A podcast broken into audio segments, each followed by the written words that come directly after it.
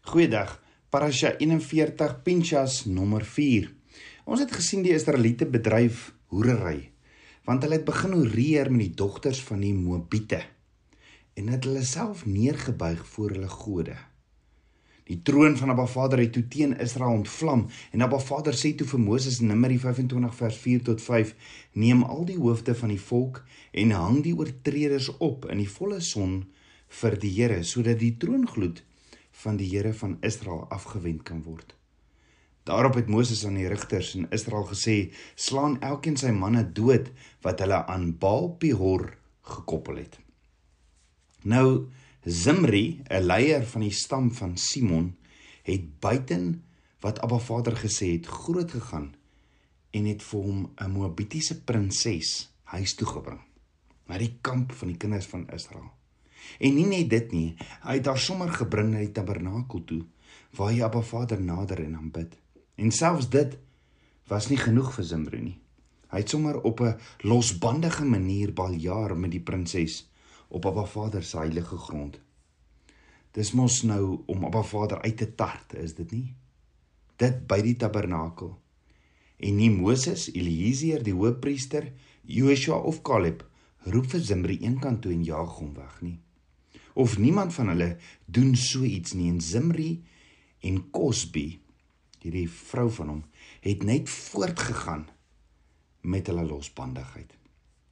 Dit was juis as gevolg van hierdie losbandige verhoudings hierdie perversie met die Midianitiese meisies wat soos kanker versprei wat gemaak het dat die doodsengel op die kamp losgelaat is. Ja 24000 mense is dood as gevolg van die plaag. En almal sien hoe gaan Zimri en sy Midianitiese meisie Cosby aan. Maar daar staan toe 'n man opgenaam Pinchas, die seun van Eliezer, die hoofpriester, die kleinseun van Aaron. Pinchas besluit maar hy kan nie dinge net los nie. Net soos wat Yeshua ook nie geldwisselaars in die tempel kon los nie.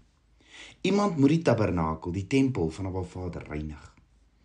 Pinchas het soos Yeshua op Vader se jaloersheid aangevoel en kon nie anders as om met passie of ywer te doen wat jy sal doen vir iemand wat jy lief vir is nie. Pinchas het reageer uit passie, ywer en liefde vir sy vader.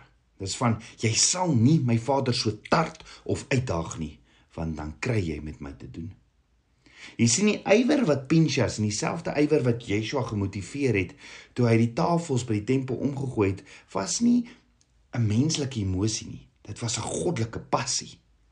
Aangesien die oudstes van Israel nie Abba Vader se instruksies uitgevoer het nie, het Pinchas gou opgestaan en dit hanteer. Pinchas neem toe 'n spies in sy hand, loop reguit na Zimri en Cosby voor almal en deurboor hulle met die spies. Pinchas se spies het perfek gevlieg soos Dawid se klippie. Met ander woorde, Pinchas het reageer op Abba Vader se instruksies aan Moses en as gevolg daarvan het die plaag gestop. In 'n oogwink. Alles as gevolg van Pinchas se aksie is 'n geslag wat hopeloos verlore gegaan het, gered. Nou daar was drie groot sonde episodes gedurende die kinders van Israel se reis van slawerny uit Egipte na vryheid na die beloofde land. Eers het die sonde van die goue kalf gekom. Dis die heel eerste ene waarin die kinders van Israel gekies het om hulle eie afgod te ontwerp. Hulle eie verlossing te skep en hulle eie heilige feesdae in te stel. Tweedens kom die sonde van die spioene, die verspieders, waarin dieselfde kinders van Israel gekies het om die land en die droom waarna toe Abba Vader hulle geroep het en hulle beloof het te verwerp en dood in die woestyn gekies het as as in plaas van lewe in die droom van Abba Vader.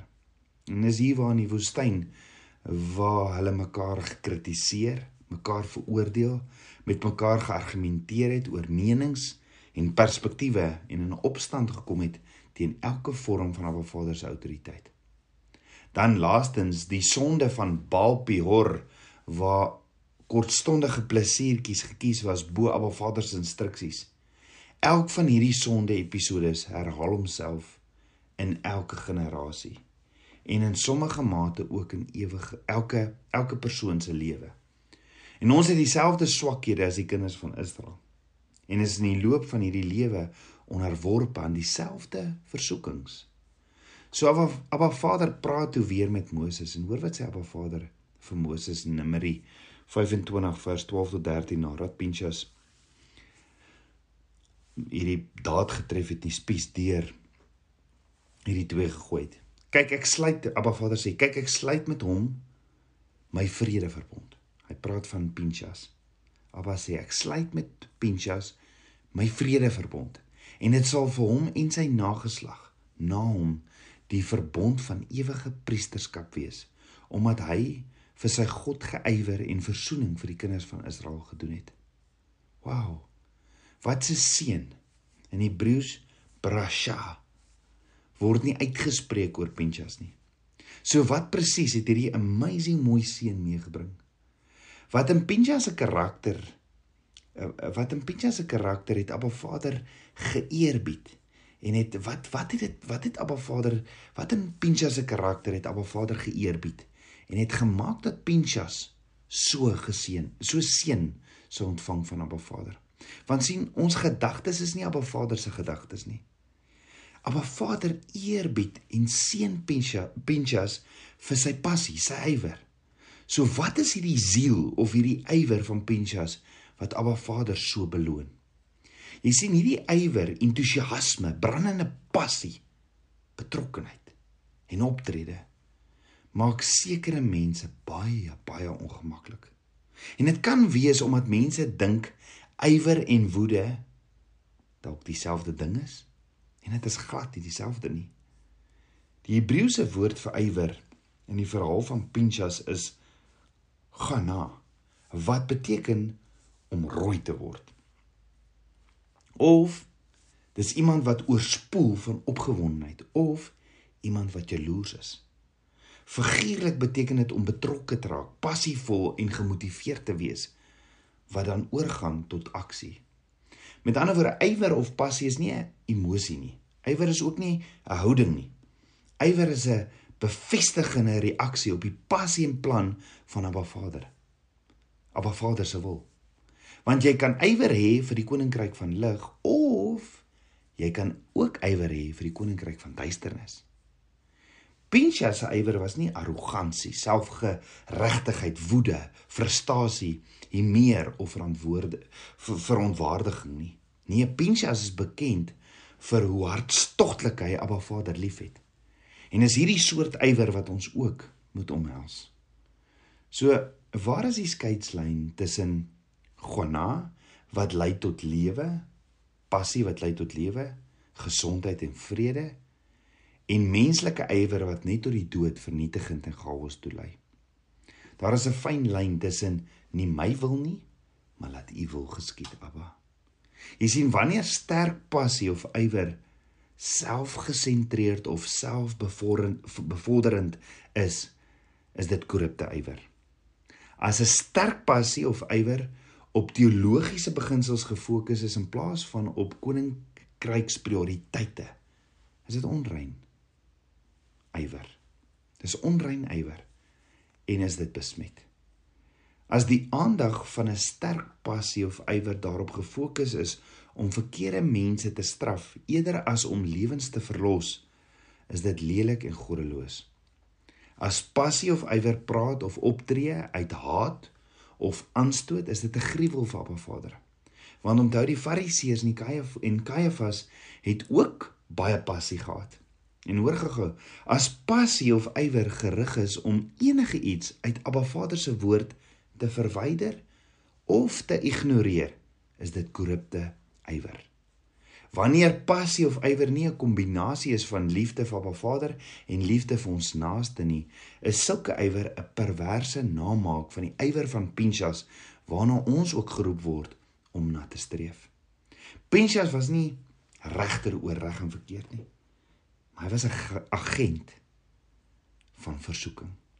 Want hoor gou-gou, heelwat later in Pinchas se lewe in Deuteronomium 12 sien ons twee van die stamme, Reuben en Gad, asook die helfte van die stam van Manasseh het gekies om hulle in die Transjordaan streek te vestig in plaas daarvan om in die beloofde land te woon saam met die res van die kinders van Israel. Dis nou gedurende die dae van Joshua se leierskap het hierdie twee stamme 'n massiewe altaar op hulle grondgebied gebou, gevorm volgens die koperaltaar van die tabernakel. En toe die res van die stamme, die wat in die beloofde land gewoon het, daarvan gehoor het, het hulle gedink dat hulle broers in die Transjordaan streek die vrees van Abba Vader verloor het. Besorgd oor die feit dat die stamme by Transjordaan hierdie vals altaar opgebou het, stuur Joshua toe vir Pinchas om te gaan hoor wat aangaan. Toe Pinchas en die leiers van die Transjordaan stamme vergader het, het hy hulle nie met spiese doodgegooi nie. Daar het ook nie 'n oorlog uitgebreek nie, maar die band tussen hulle almal is versterk. Jy sien as jy die ywer of passie van Pinchas wil verstaan, moet jy die verhaal van die einde tot die van die begin tot die einde sien oor Pinchas. Pinchas was 'n vriend van Abba Vader en volgens Abba Vader se woord is sommige persone veral geseënd in hulle verhouding met Abba Vader. Soos wie? Soos Noag, Abraham, Moses, Samuel, Dawid, Petrus en Johannes. So wat is die geheim van so 'n spesiale verhouding met Abba Vader?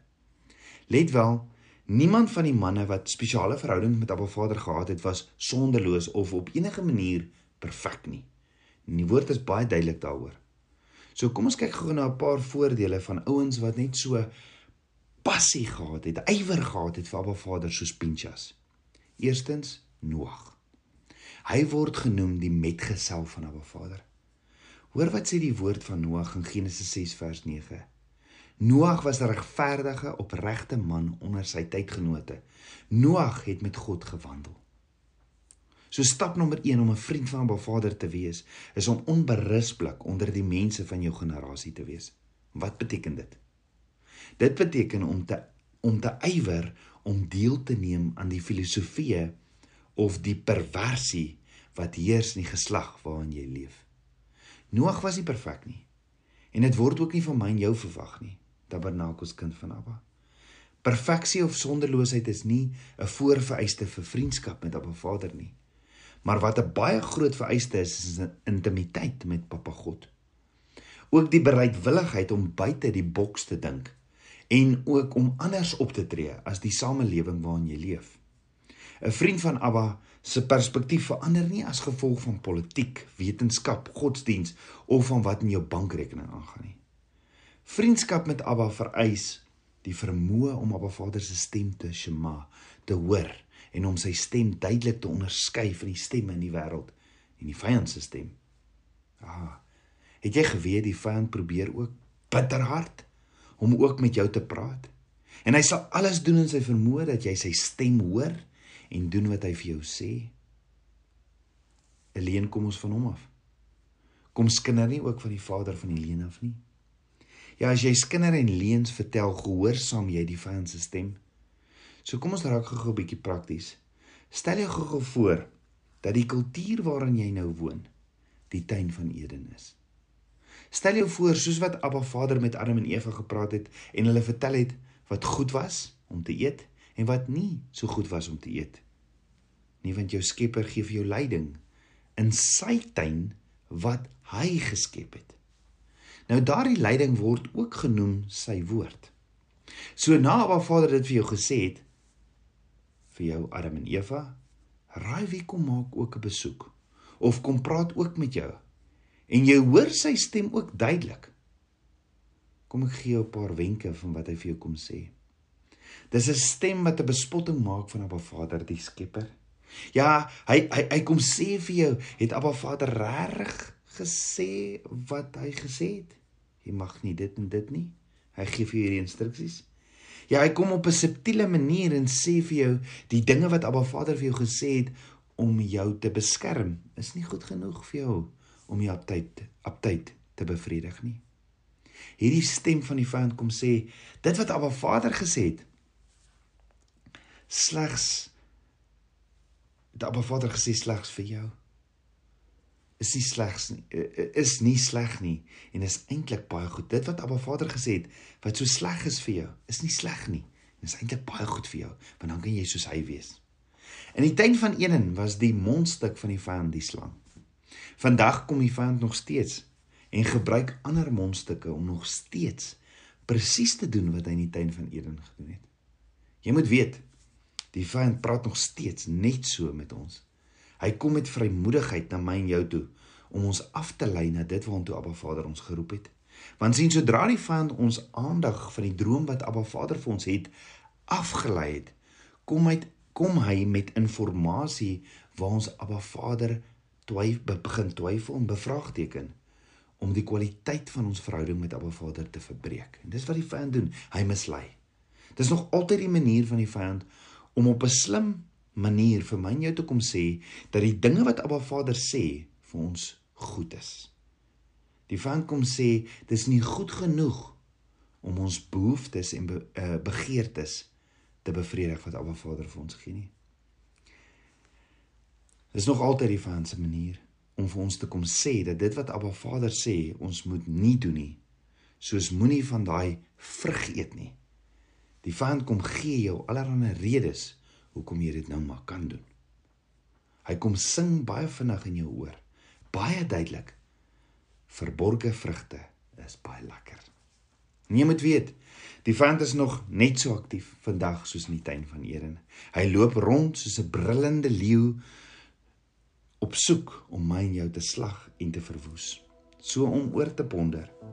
Hoe praat die vyand vandag met my en jou? prakties. Hoe praat hy vandag met my en jou? En hoe kan ek en jy soos Pinchas opstaan in 'n tyd soos nou teen die leuns van die vyand? Kom ons bid saam. Aba Vader, skepper van my hart, Aba ek loof en ek prys U. Aba Vader, ek wil Pinchas opstaan vir U woord. Ek wil 'n mighty warrior wees vir U, Vader. Ek wil U net U shema en ek het soveel sondes, vergewe my.